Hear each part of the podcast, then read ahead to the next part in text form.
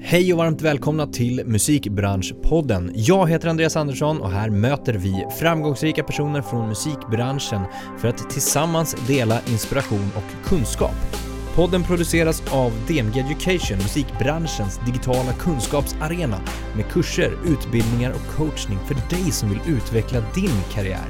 I dagens avsnitt träffar jag Petra Kauraisa som nyligen tillträtt som Executive Director på European Music Managers Alliance, en organisation som representerar över 1800 managers runt om i Europa. Vi pratar om kraften av att gå ihop som organisation och samarbeta, om att hitta sitt varför, både i företaget, organisationen eller hos sig själv. Och även det brev Petra skrev till kulturministern som blev startskottet för bildandet av evenemangsnäringen som träffades varje vecka under ett och ett halvt år under pandemin.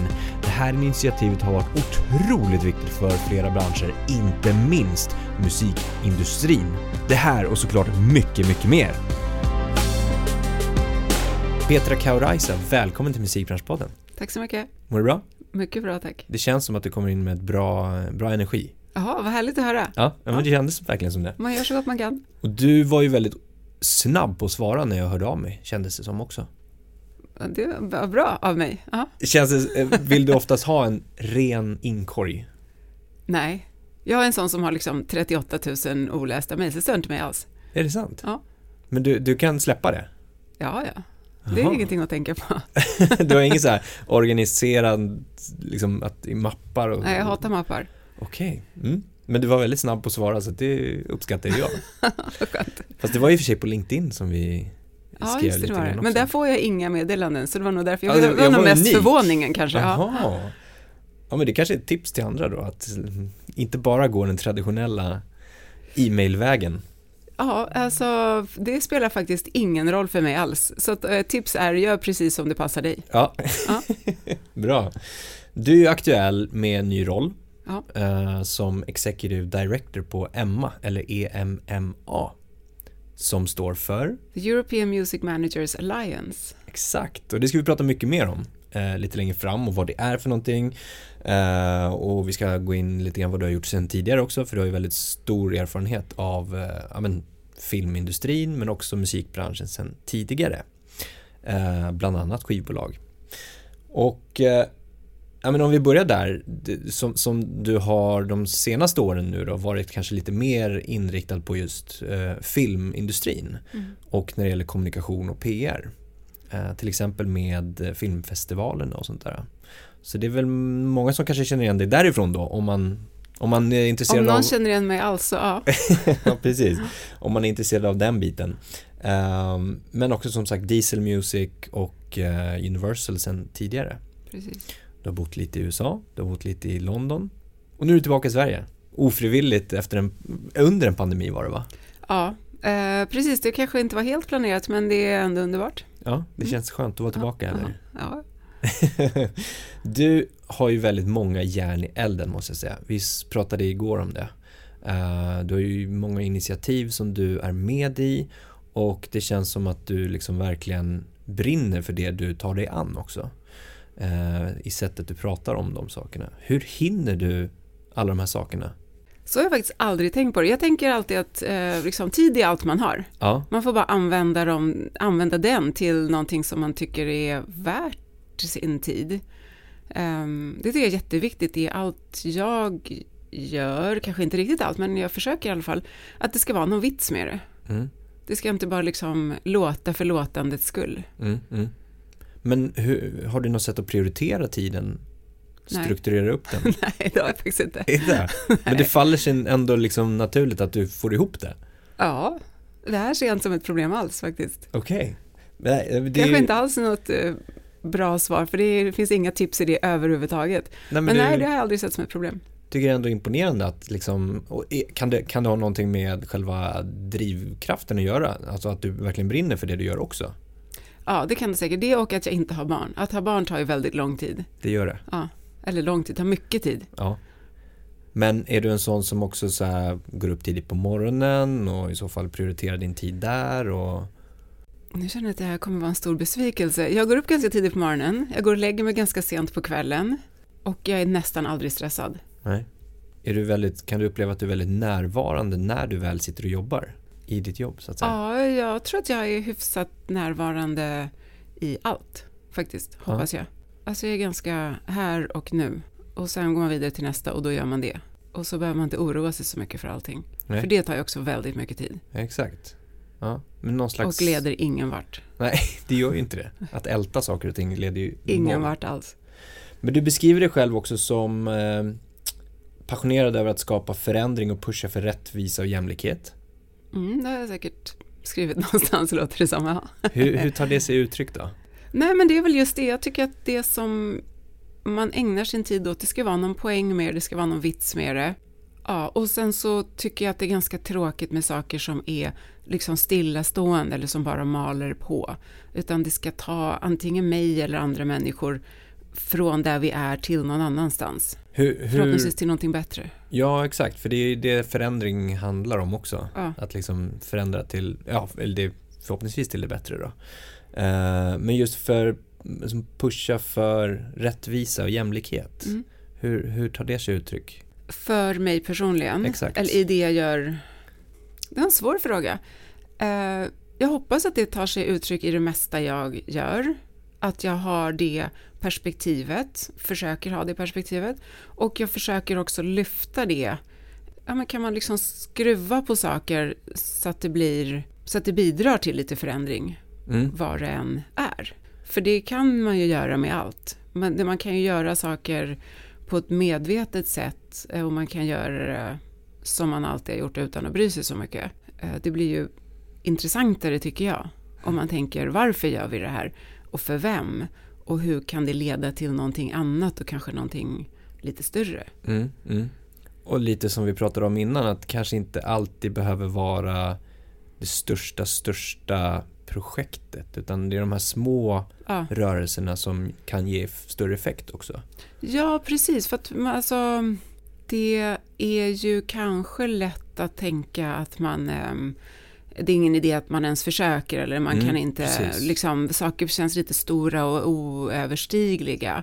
Men det är de ju aldrig. Alltså det räcker med att man ser till sig själv, sin omedelbara omgivning, vare sig det är på jobbet eller i sociala sammanhang.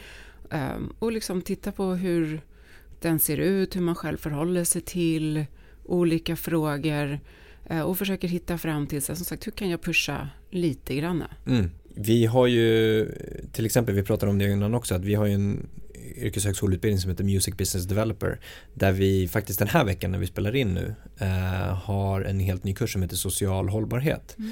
där vi eh, vill föra med ytterligare liksom verktyg kring allt det här vi pratar om också, rättvisa, hållbarhet, eh, inkludering och jämlikhet. Tror du att det är viktigt att liksom både utbilda och agera utifrån liksom andra också? Jag tänker mig företag, ledare, att man inte bara agerar utan man har någon slags uppbackning med att jag har kunskap om det här. Ja, men alltså man lär sig ju också medans man gör. Exakt. Och är det ett ämne som man tycker att man vill ägna sig åt, då, eller jag ska inte svara för det kanske, kanske inte alla är, men då tycker jag i alla fall, då gör man ju sin research, då lär man sig um, medans man gör. Mm, mm. Eh, Så att jag tycker de två sakerna kan gå hand i hand, för det är också ganska... Jag hör på ibland på folk att man liksom tycker att jag kan inte göra någonting för jag kan inte tillräckligt mycket om det här. Eh, Men, och, och det finns ju en stor vits med det, det är klart att man ska vara informerad i sina val. Men man kan ju säga, tycka att jag tycker krig är dåligt utan att ha upplevt krig. Mm. Jag kan stödja cancerforskningen utan att ha haft en allvarlig sjukdom, vare sig det är cancer eller något annat. Eh, Så att man behöver ju inte alltid kunna allt om ett ämne när man börjar engagera sig i det. Just det där första steget, alltså Mm. kan ju föda en nyfikenhet. Det gör ju nästan oundvikligen det, Exakt. skulle jag säga. Och att man då kanske utforskar och testar på ytterligare eller lär sig ytterligare. Ja, Vi kommer in lite grann på här längre fram också. Men vi backar lite. Eh, du har ju lång eh, erfarenhet sedan tidigare eh, inom musikindustrin men även varumärkesstrategi vet jag. Det har du skrivit själv. det har jag skrivit själv. Och det Kommunikation. tycker jag, det, ja, Ja. Det, alltså all kommunikation är ju egentligen, det går ju ner till samma sak. Vad är det vi gör och varför gör vi det? Och det är ju varumärkesstrategi. Ja. Varför finns den här produkten, den här tjänsten, det här märket? Ja. Det tycker jag man ska bygga in i, som sagt, allt man gör. Men om vi, om vi gräver lite där då, vad, vad, hur, har det, hur har du arbetat med det i din tidigare erfarenhet? Ja, men jag tror ungefär på det sättet. Jag tycker att det är som sagt någonting man brukar försöka bygga in i allt. Och och den stora frågan är ju varför. Varför gör vi det här? Varför gör det här företaget det den gör? Varför gör den här artisten det den gör? Varför ska folk se den här filmen? Vad det nu kan vara. Och då måste man ju liksom, ja men just backa så till de här första stegen. Varför finns den här saken? Um, och vad, vad, vad försöker vi uttrycka? Vad försöker vi hjälpa den här kreatören med att uttrycka?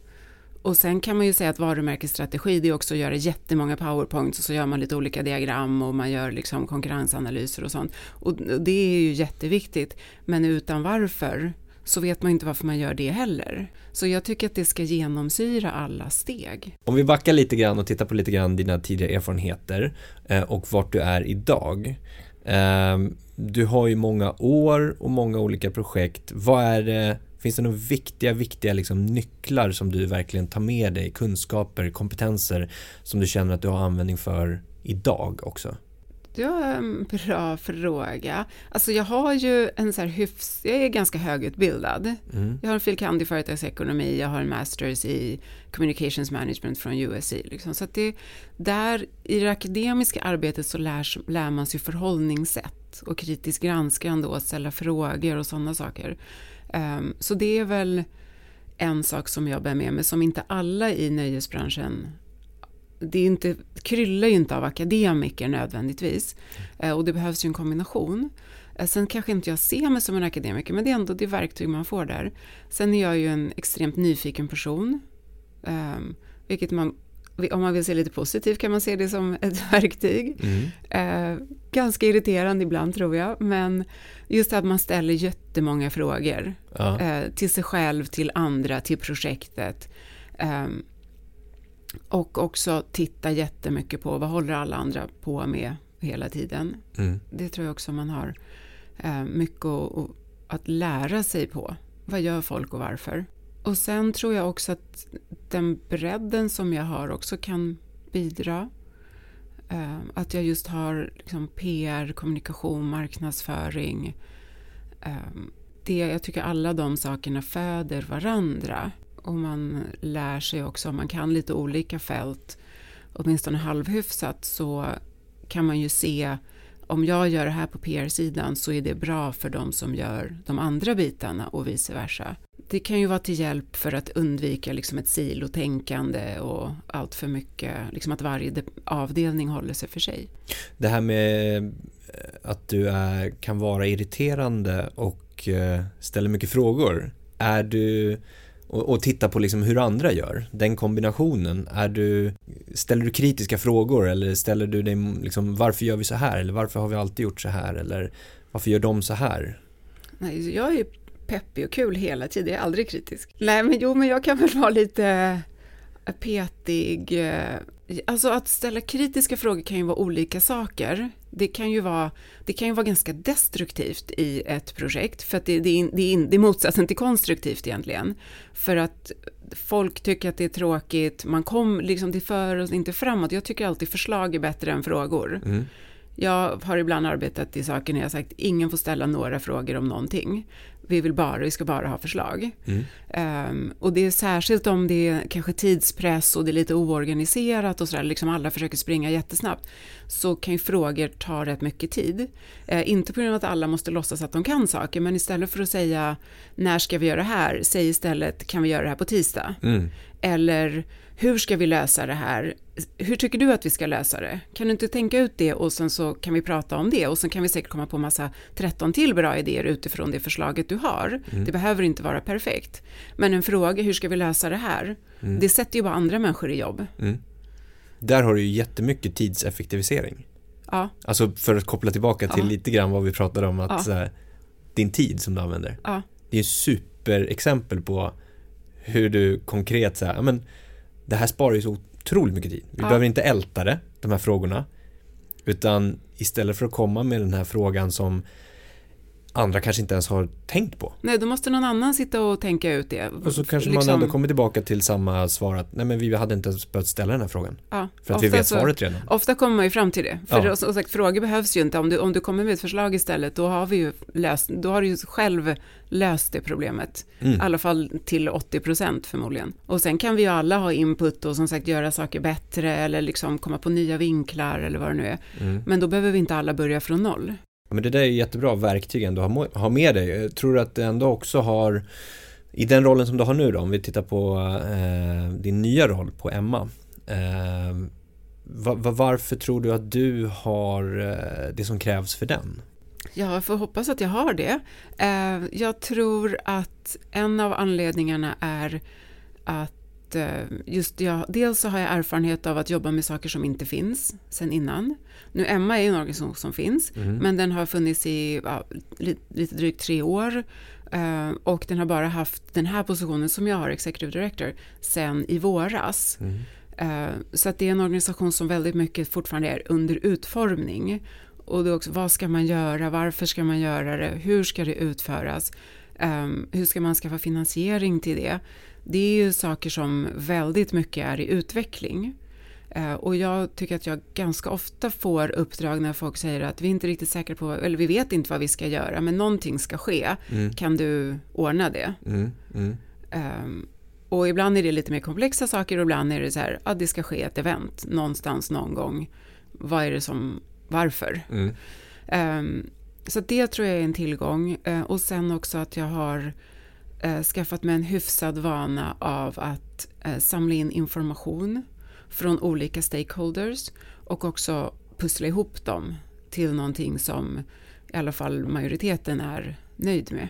Eh, till, en, liksom, till en väg framåt ska jag säga, som det där någonting. Precis, och de här uppdragen som du har kunnat få och förhoppningsvis det här också då när uppdragsgivaren eller rollen kräver eh, vi vet inte vad som ska göras men någonting ska göras. Hur tar du dig an en sån fråga då? Var börjar du någonstans? Ja men med varför tror jag. Med varför? Eller det tror jag inte, med varför. Ja. Eh, kan jag säga med lite mer än fas. För där, där finns ju alla svaren. Mm. Vet man varför man gör någonting, var, i vilket sammanhang det än är, i, om det är jobb eller om det är aktivism eller om det är sitt privatliv, vet man varför man gör det man gör, då förstår man ju också hur, vart man ska, man förstår hur man ska komma dit.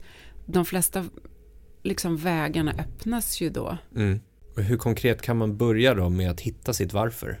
Mer än att liksom bara ställa sig frågan varför gör vi det här? Finns det, finns det något liksom tillvägagångssätt i det? Nu önskar jag att jag kunde säga ja som Kotler sa, men det tycker jag är ganska intuitivt ofta. Men också just, det kommer tillbaka, man får ställa lite frågor um, till den som har bett en göra det. Eh, och sen ibland får man ju kanske hitta på ett svar. Jag tror att det är det här ni har sagt till mig. Mm. Stämmer det?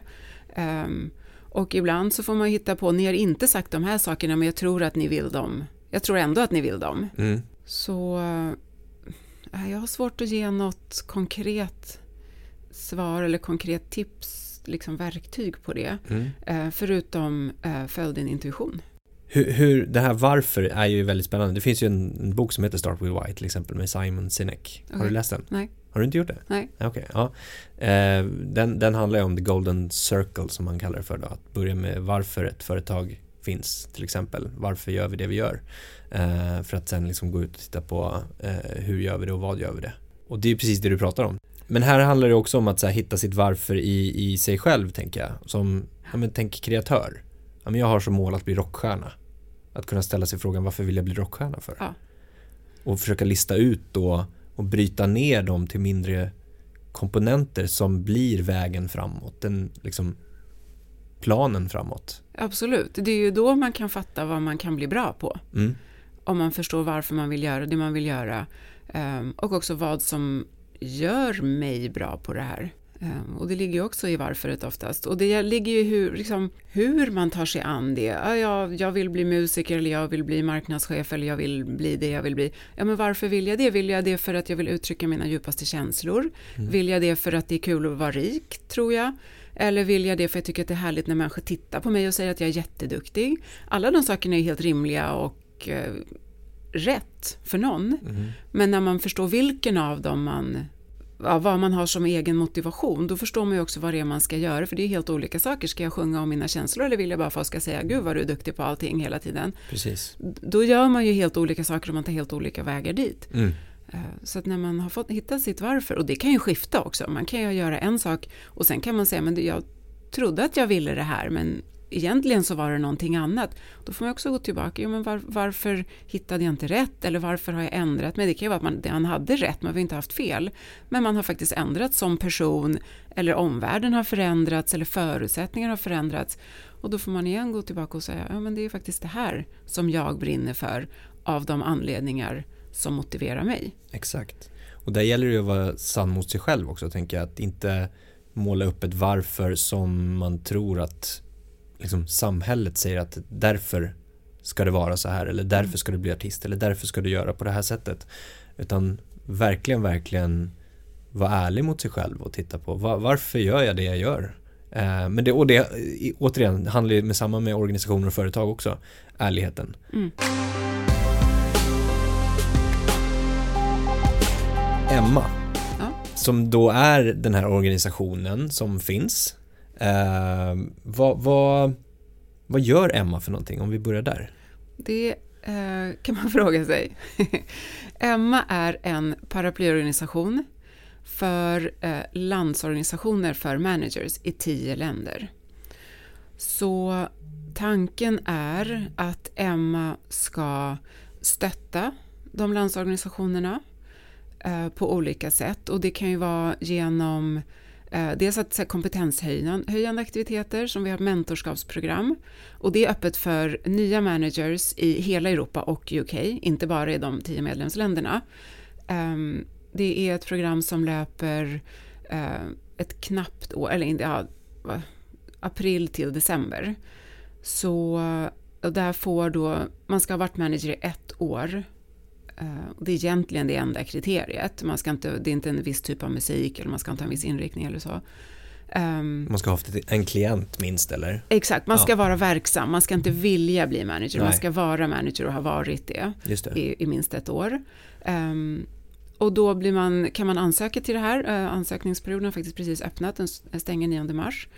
Um, och så om man blir utvald så blir man ihopparad med en mentor. Och är fem mentorer Eh, Eh, som har två mentees eller adepter var. Och då så erbjuder vi ehm, one-on-one sessioner eh, och också gruppsessioner och workshops och vi håller på att utforma det nu. Eh, och så, så, får man hjälp ehm, med att utveckla sin businessplan och sin businessplan för sina artister. Så att det är både liksom på affärssidan men också nätverkande och generellt kunskapshöjande. Mm. Um, och det är, huvudsponsor är Google YouTube. Um, men sen har vi också Spotify är också en sponsor till Emma. Så att det är våra liksom, partners i, um, även i mentorskapsprogrammet. men sen är det också som sagt verksamma och erfarna uh, managers. Och sen kommer vi också ha instruktörer, eller man ska säga, uh, från andra områden också. Just det. Mm. Så det är en ganska stor del av... Så av det, liksom att... det, är en hyfsat stor del. Ja. Eh, och, så dels är det det. Sen eh, är det också liksom en samverkan. Mm. Så att olika länder kan lära sig och ta del av vad man gör. Um, både på liksom praktiskt i arbetet men också kanske i politisk påverkan och så.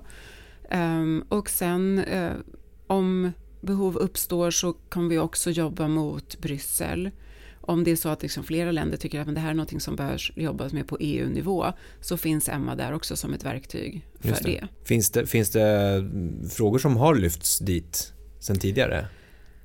Inte så jättemycket. Alltså, som sagt, Emma är ju ganska nytt i den här inkarnationen um, och börjat att ha uh, personal på det här sättet är ju nytt. Det är en ideell organisation.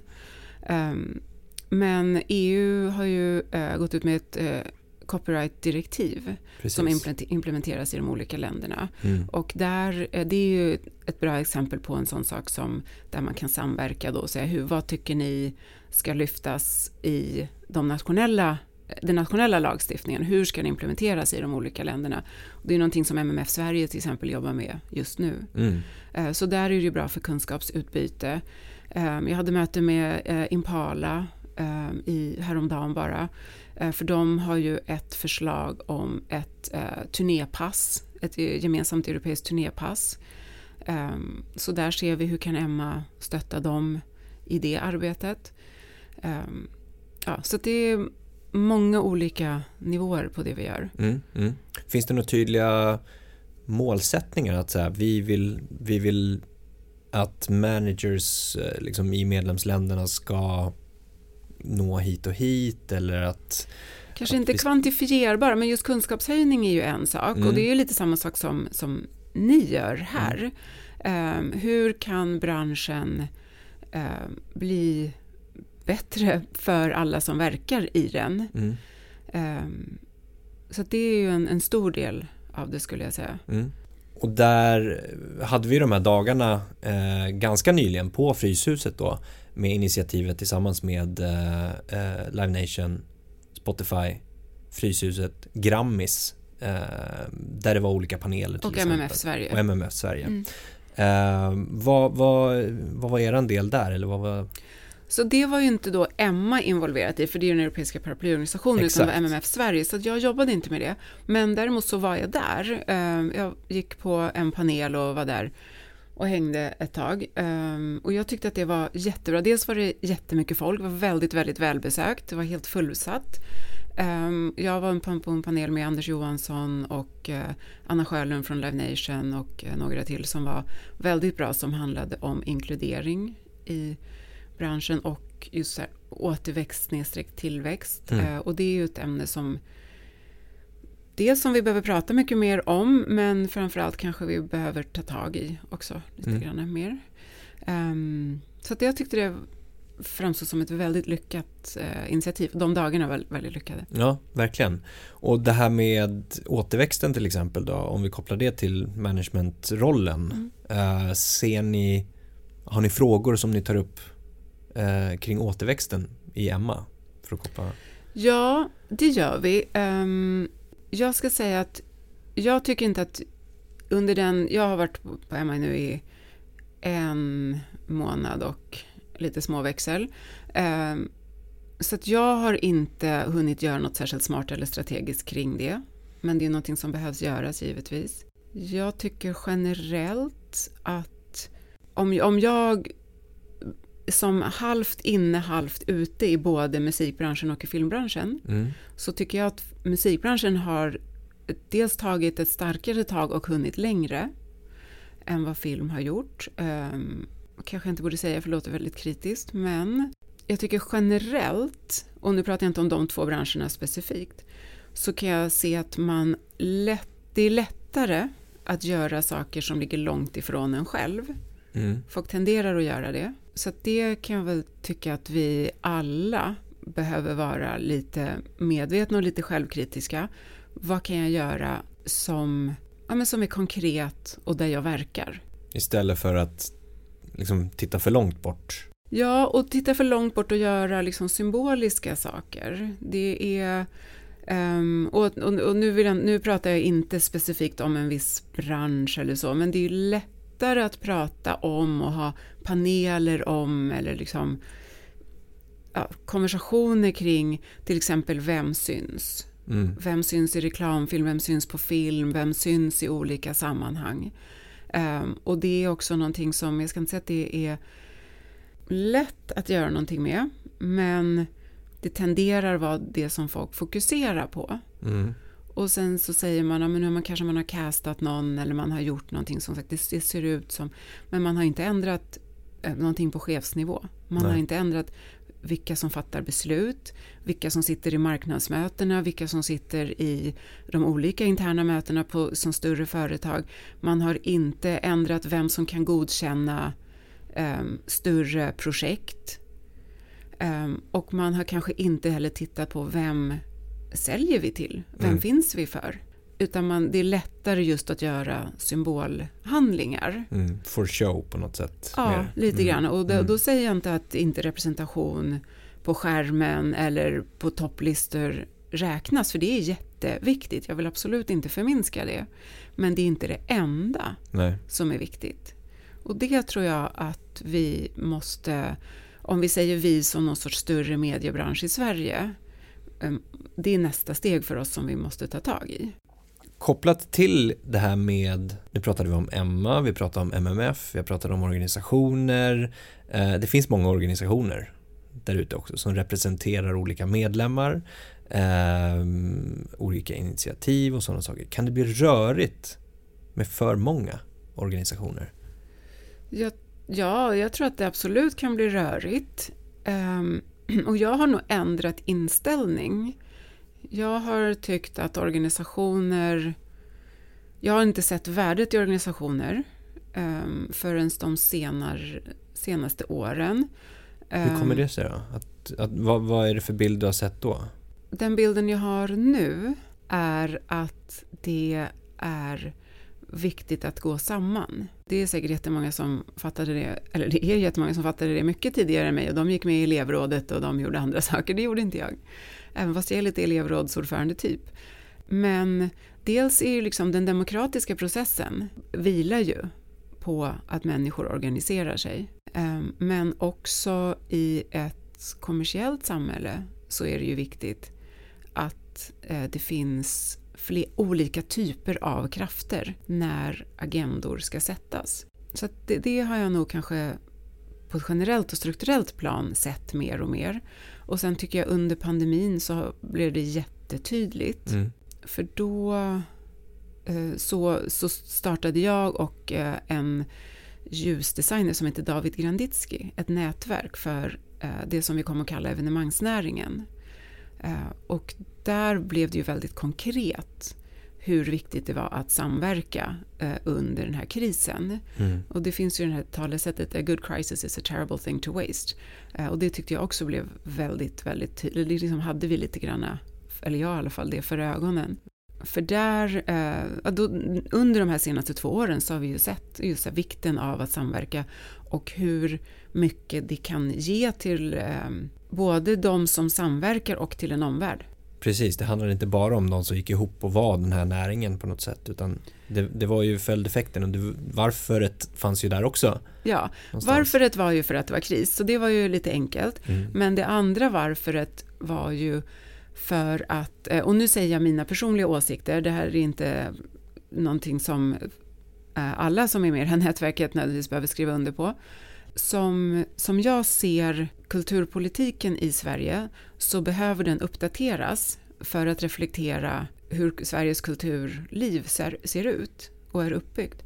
Eh, så det tror jag är någonting som, eller det tror jag, det vet jag, är någonting som dels vi har hjälpt till att berätta om under den här krisen, men också som vi kan fortsätta berätta om efteråt. Eh, och det kommer vi alla som jobbar inom kultur, nöje, evenemang eh, vinna på, tror jag. Mm. För om vi backar lite så, så handlade det om att det, eller ursprunget blev ett brev som du skrev Ja, precis. till kulturministern. Exakt, eh, för eh, den dåvarande kulturministern Amanda Lind gick ut på en presskonferens, hon var ju kultur och idrottsminister. Precis. Så hon gick ut på en, en eh, presskonferens och sa att eh, nu är de här restriktionerna som gäller och därför kommer vi eh, eh, en, i nästa ändringsbudget kommer vi tillsätta 500 miljoner till kulturen och 500 till idrotten. Och det formulerades som att det ska gå till kulturutövare. Mm. Och som vi alla som arbetar med kultur, nöje, evenemang etc. vet så är det, de personerna som kallas kulturutövare en väldigt viktig men inte en särskilt stor numerärt del av branscherna. För de som man liksom lite schablonartat räknar in, det, blir, det är skådisar, det är regissörer, det är författare, poeter etc.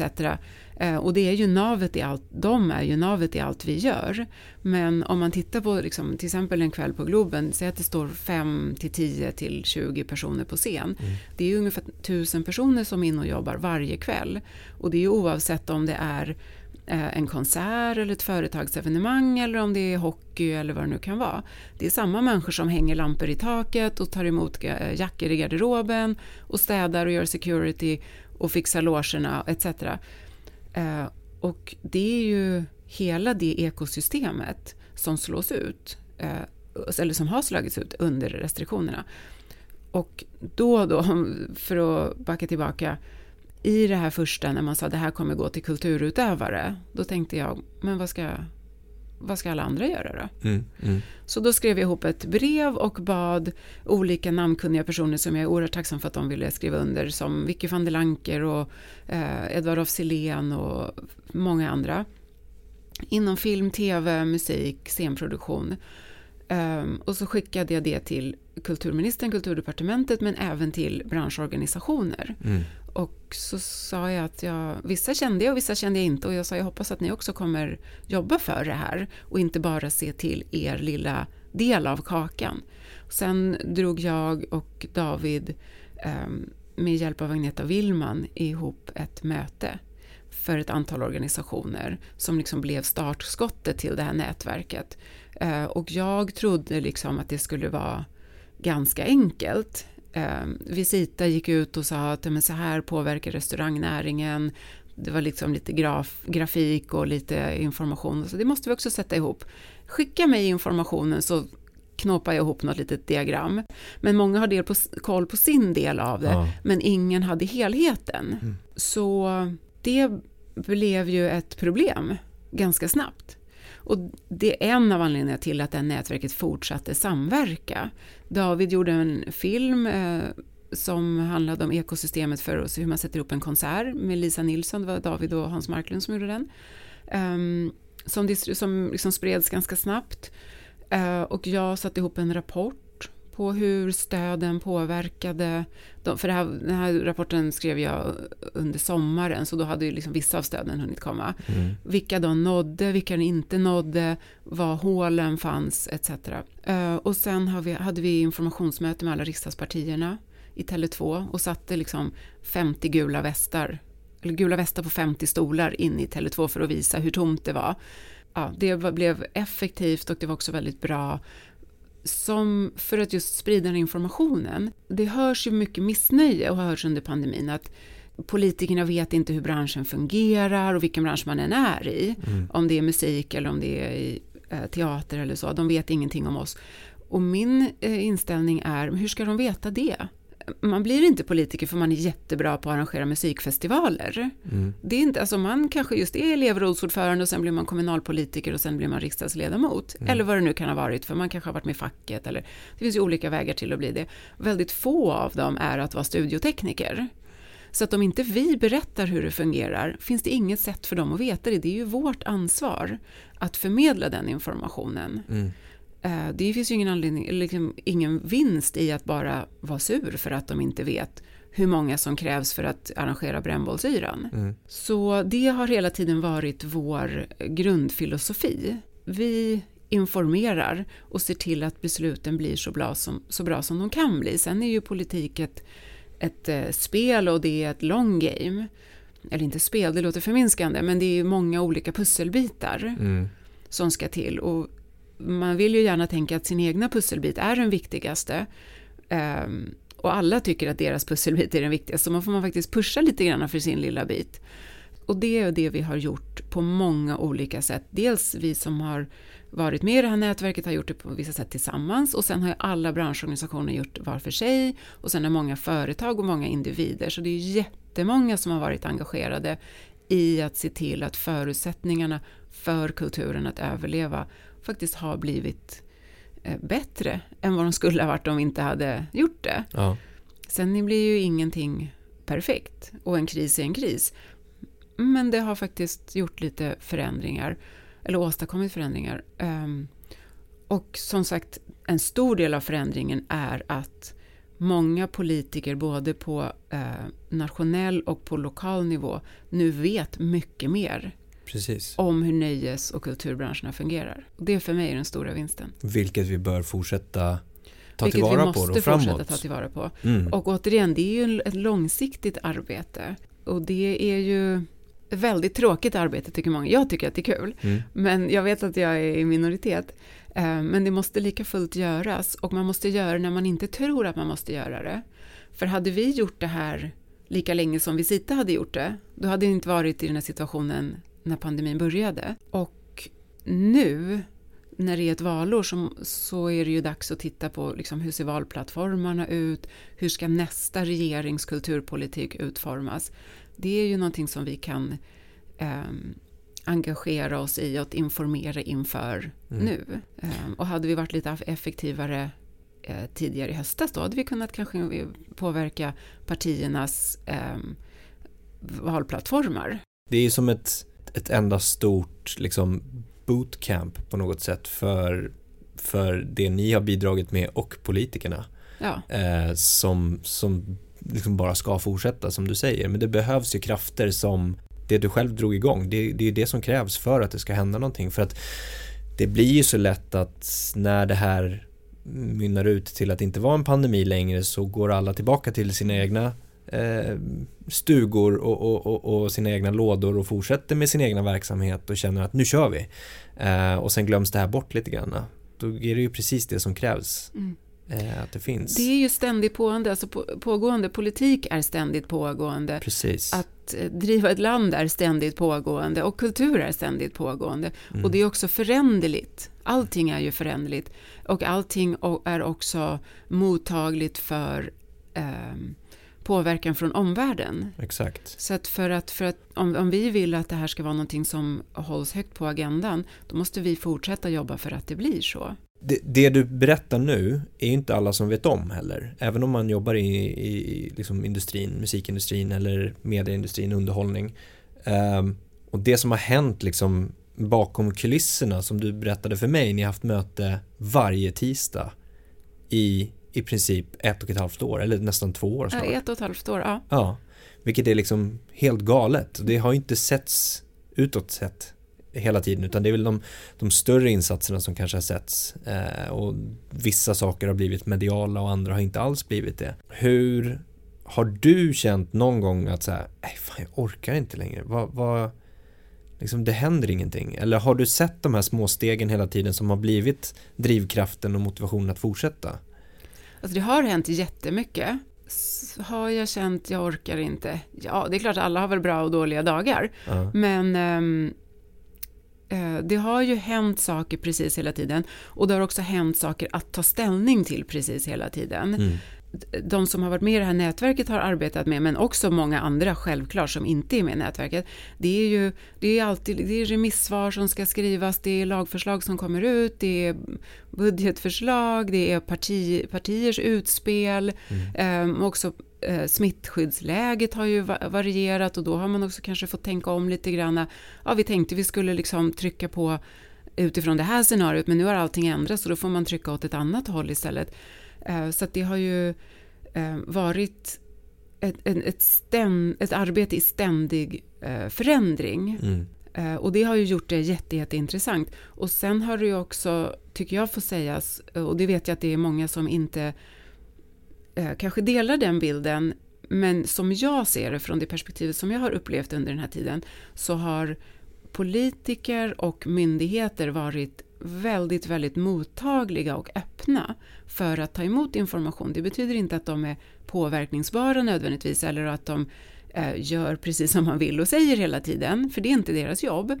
Men att ta in information, det har verkligen varit ständigt pågående och det ska det säga, riksdagsledamöter, departement, ministrar, och som sagt myndigheter, tjänstemän, på alla nivåer så, så tycker jag att det har, har varit en, eh, en, vä- en väldig önskan att lära sig Mm. hur vår sektor fungerar. Mm. För att det som man har kunnat sen innan, det är ju den offentligt finansierade konsten, vilket är en väldigt, väldigt viktig av vår, del av vårt kulturliv.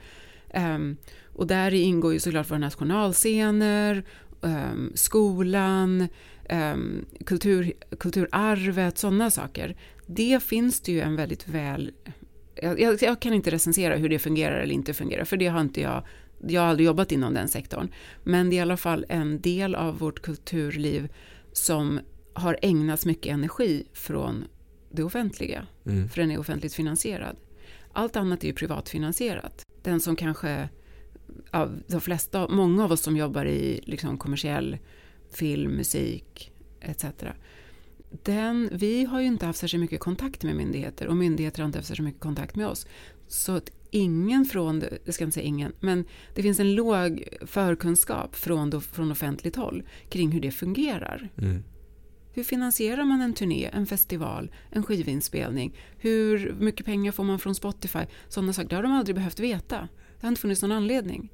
Men det har ju funnits en väldigt stor, stort intresse av att lära sig. Vad är det liksom de största, om vi tittar rent eh, ekonomiskt värde som har bringat ut? Vi pratade om 500 miljoner, 500 miljoner i början. Mm. Men ser du att tack vare det här initiativet att det liksom har blivit mer? Eller vad, hur mycket har det blivit så att säga? Det jag kan säga är väl att ehm, så vitt jag vet så finns det ingen annan sektor som har fått speciellt riktade stöd. Och det tycker jag är eh, väldigt positivt om man eh, ser till där vi började. Där vi var oroliga för att vi skulle försvinna. Eh, det har vi inte gjort. Det finns ju många branscher som har lidit under pandemin. Resenäringen, restaurangnäringen, turism etc. Och till många delar är ju evenemangsnäringen en motor i det. Och evenemangsnäringen kan jag säga också, det är ju ett ord som vi liksom kom på i det här. För att sammanfatta det som vi tyckte blev lite bortglömt. Det finns ju nu för kultur och evenemang så har det ju kommit flera olika riktade stöd i en rad olika ändringsbudgetar. Mm. Jag har, kan ha missat någonting men jag ser inte att det har skett för nästan någon annan näring. Det är en stor påverkan från ett litet brev. Eller litet brev, ett, Och En start. vä- det är väldigt, väldigt många som har varit engagerade i det här. precis, Inom och utan vårt nätverk. helt fantastiskt.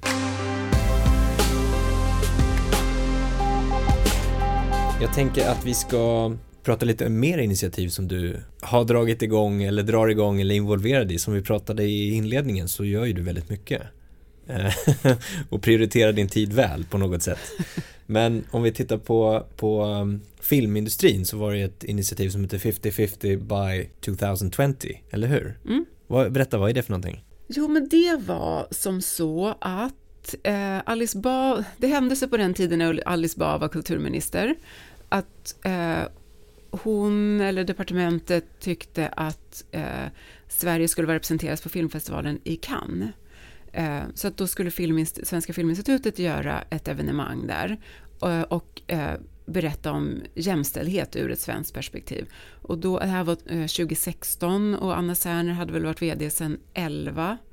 Ehm, och Anna Serner hade ju en vision om att stöd till eh, Eh, filmskapare skulle fördelas jämnt mellan könen. Och då föreslog jag, kan vi inte kalla det här för evenemanget för 50-50 by 2020? För 2020 ligger så långt bort så att om det inte blir så så kommer alla ha glömt bort det. Um, och det här får man också, det var ju innan metoo som kom 2017, den hashtaggen, eller blev stor 2017, den fanns ju innan. Um, så att då var jag väldigt osäker på, kommer någon vilja prata jämställdhet under kan? För jag vet inte om alla vet hur det är när man åker på mässor och festivaler, men det är ju extremt hektiskt. Folk börjar ta möten klockan åtta och sen tar man möten hela dagen och sen så gör man, har man något evenemang på kvällen och så liksom går man upp och börjar om igen. Och man ska sälja eller man ska köpa, liksom man har supermycket att göra. Så att kommer någon vilja prata svensk jämställdhetspolitik? Ja, det får vi se. Så att jag tänkte, men kommer det inte så många, då ställer vi stolarna i en cirkel och så blir det bra samtal för de som är där. Eh, Men det var ju liksom kö en timme utifrån, liksom kö längs hela kvarteret. Och det var ett fantastiskt bra evenemang, eh, lite partisk som jag var med och arrangerade det, men det var Alice Bah och så var den franska, dåvarande franska kulturministern, Ruben Östlund var med, Alexandra eh, Therese Koenig, eh, Roberto Ollas som eh, är chef för Europakommissionens, eh, Europarådets filmkommission, förlåt. Ehm, Ruben och Alexandra Therese hade filmer i Cannes det året. Ehm, så att det blev en konversation både om politik och om filmskapande och så. Och eh, i stort sett direkt så sa, sa man både från England och Nya Zeeland och Kanada tror jag det var, vi ska också vara 50-50 by 2020. Och därifrån spred sig, så tanken var ju bara att göra det här evenemanget. Mm. Men det blev sen en rörelse i den internationella filmbranschen. Så att de två största agenturerna i USA som är CIA, Creative Artists Agency och ICM, de sa att de ska vara 50-50 by 2020 på alla nivåer i företaget. Um, många filminstitut har antagit det. Um, alla de stora filmfestivalerna har skrivit på uh, pledges om att de ska... Uh, vad de har skrivit på varierar och hur de följer det tror jag också varierar. Vissa av festivalerna har bara skrivit vi lovar att tänka mer på det här om man läser faktiskt vad det faktiskt står och andra har lite mer konkreta. Men alla har blivit tvungna att förhålla sig till det. Och alla som vill driva de här frågorna har någonting att vifta med. Mm och någonting att trycka på med. Och det ser jag som den stora vinsten. Det som sagt, det här är någonting som, som man antingen måste eller vill förhålla sig till. Mm. Som kan leda framåt och det är lätt, det är liksom, som sagt, lätt att vifta med. Och sen måste man ju precis som med allting annat fylla det med innehåll. Och där väljer man ju, och när, apropå din tidigare fråga, gör man någonting som ser lite enkelt ut? Eh, ja, vissa väljer att göra det. Mm. Eh, och andra väljer att göra någonting som faktiskt går lite mer på djupet och gör lite förändring. Det får ju vara, det är ju upp till varje individ och varje företag vad man väljer att göra med det. Och det är väl kanske också därför som 50-50 by 2020 blev spritt, för att det var väldigt öppet. Och, och nu har ju 2020 varit. Mm. Eh, hur, fanns det någon slags uppföljning med de som skrev på det här? Eller jag tänker just mm. de här stora aktörerna. Ja och nej. Eh, det eh, bildades ett, en organisation i Frankrike som heter Kollektiv 50-50. De har varit de som har pushat på mest för de stora filmfestivalerna. Mm. Och det, de har tagit fram den här pledgen som sen festivalerna har anpassat och så. Så att de gör ett uppföljningsarbete.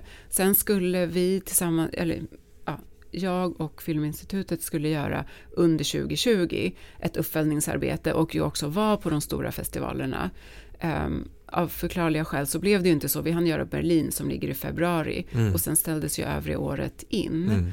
Mm. Um, så det följdes inte upp på det sättet som jag och jag vet många andra hade hoppats. Um, det har gjorts en del men liksom ingen sammanställning. Jag tror också att det är svårt att sammanställa just för att det är en sån väldigt alltså det är ju liksom en slogan, inte en programförklaring. Mm. Så att det är svårt att följa upp för det är inget eh, gemensamt mål. Nej. Ska man säga. Och sen tycker jag också att det är viktigt att lyfta fram att 50-50 by 2020, det, tanken var just att det ska vara en jämn fördelning mellan könen. Sen tycker jag att det har varit en väldigt positiv och snabb utveckling, jag vet inte om alla håller med mig om snabb, men i alla fall det har varit en utveckling eh, där man ju ser så många fler dimensioner än kön. Mm. Så att jag tycker egentligen att när vi hade hunnit fram till 2020, då var det här lite förlegat redan, vilket var bra. Mm. För att vad betyder en jämn, jämn könsfördelning? Vilka män, vilka kvinnor och varför? Eh, jag tyckte att världen sprang om det målet, mm. vilket är en positiv utveckling. Det blev liksom följdeffekter som... Ja, inte effekter av det målet specifikt, men jag menar av den generella ja. rörelsen i världen. Ja, ja. exakt. Precis. Vilka kvinnor är det som syns? Det, alltså det, intersektionaliteten har ju blivit eh, starkare som perspektiv mm. eh, under de senaste, som sagt om man säger att det här kom den 2016, så under de senaste fem åren så har ju medvetenheten om intersektionalitet eh, ökat jättemycket. Mm, verkligen.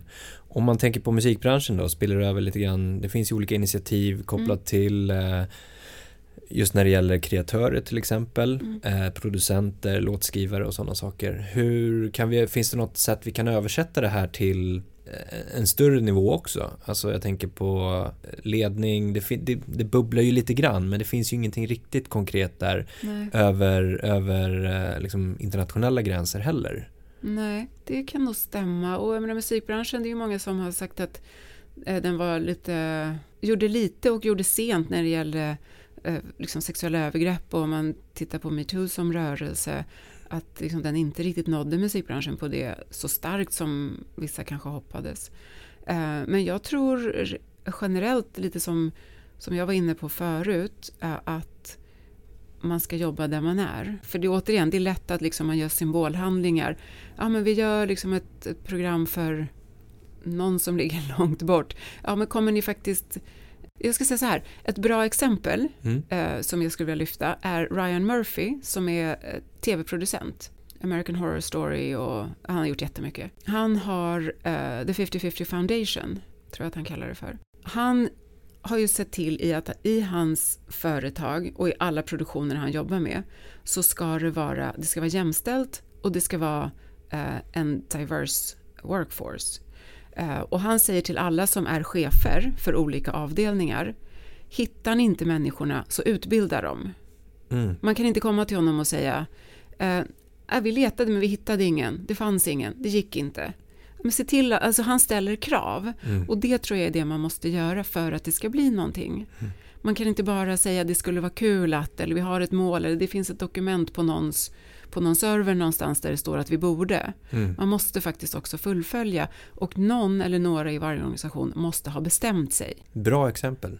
Mycket bra. Det där eh, tror jag många behöver ta vidare. Mm. Vi ska av- avsluta lite grann tänker jag med eh, någonting som du sa igår bara när vi pratade inför det här. Kom igen, gör bara. Tror jag du sa. Ja, jag, kanske, jag refererar ibland till Jösses flickor eh, som sa gråt inte kämpa. Det tycker jag man får påminna sig om. Det är klart att man kan gråta någon gång ibland. Men sen får man liksom plocka ihop sig och börja kämpa igen. För då, ja, det är bara så det blir någonting. Det är bara Mm. så det blir förändring. Och också, ja, jag tror att jag sa, jag sa säkert någonting om det där, det är bara att göra. Eh, lite som vi pratade om i början också. Man lär sig ju medans man håller på. Exakt. Jag har försökt starta saker ibland som inte alls har blivit någonting. Till exempel så, när 17 kan det här ha varit? Alltså, det var jättelänge sedan när jag var så här, nu ska vi ha en stor grej där män pratar, eh, män uttalar sig mot mäns våld mot kvinnor. Och så pratade jag liksom med lite olika kända människor och lite olika profilartade typer man känner. Kan inte du säga någonting om det? Absolut inte. Det var liksom, ingen ville göra det, det föll som en, drunkna som en, liksom, det gick ingen vart alls. Och ett vanligt svar var, men jag vet ingenting om det. Och min fråga var, men skulle du kunna stödja Barncancerfonden trots att du inte vet någonting om barncancer? Absolut. Ja, men då kan du väl ändå säga att du är emot våld mot, mäns våld mot kvinnor, trots att du kanske inte är expert på det här. Nej, men det går inte. Ehm, och det tycker jag är jag är en stor, stort fan av kunskap, information, vetenskap etc. Men man måste inte veta allt innan man börjar. Mm. Gör. Börja någonstans, ta Ja. första steget. Ja. Härligt. Petra, vad, vad ser du fram emot i din roll nu då, på Emma? Jag ser fram emot eh, att göra den på bra. Ja. Faktiskt. Jag ser fram emot att lära mig vad de olika länderna behöver och vill ha ut av Emma. Jag ser fram emot att förhoppningsvis kunna paketera det på ett bra sätt. Eh, jag ser också fram emot att knyta eh, närmare kontakter med många av de större företagen och plattformarna. Som sagt, vi har partnerskap med eh, Google, YouTube och med Spotify. Jag ser fram emot att ha många sådana möten och se hur kan vi lära managers använda verktygen bättre? Hur kan vi också från det perspektivet som vi har eh, lära plattformarna hur de kan bli bättre på att eh, jobba med musikbranschen och speciellt specifikt det perspe- perspektivet som vi har. Härligt, spännande. Ja. Då får vi ta uppföljningssnack om ett par år, Ja, gärna. eller sånt där. Ja. Petra, stort tack för ett jättetrevligt samtal. Tack så mycket. Jättestort tack för att du har lyssnat på podden idag. Det uppskattas verkligen. Kom ihåg att följa, stjärnmarkera, gilla, dela, kommentera för att hjälpa till att sprida kunskapen i musikbranschen. Vi vill också jättegärna höra från dig. Vilka utmaningar står du inför? Vad tycker du är svårt? Vad tycker du är lätt? Vad vill du höra? Vad vill du veta? Vad vill du lära dig? Hör av dig till oss på info at dmgeducation.se. Tack för idag och ha en fortsatt härlig dag.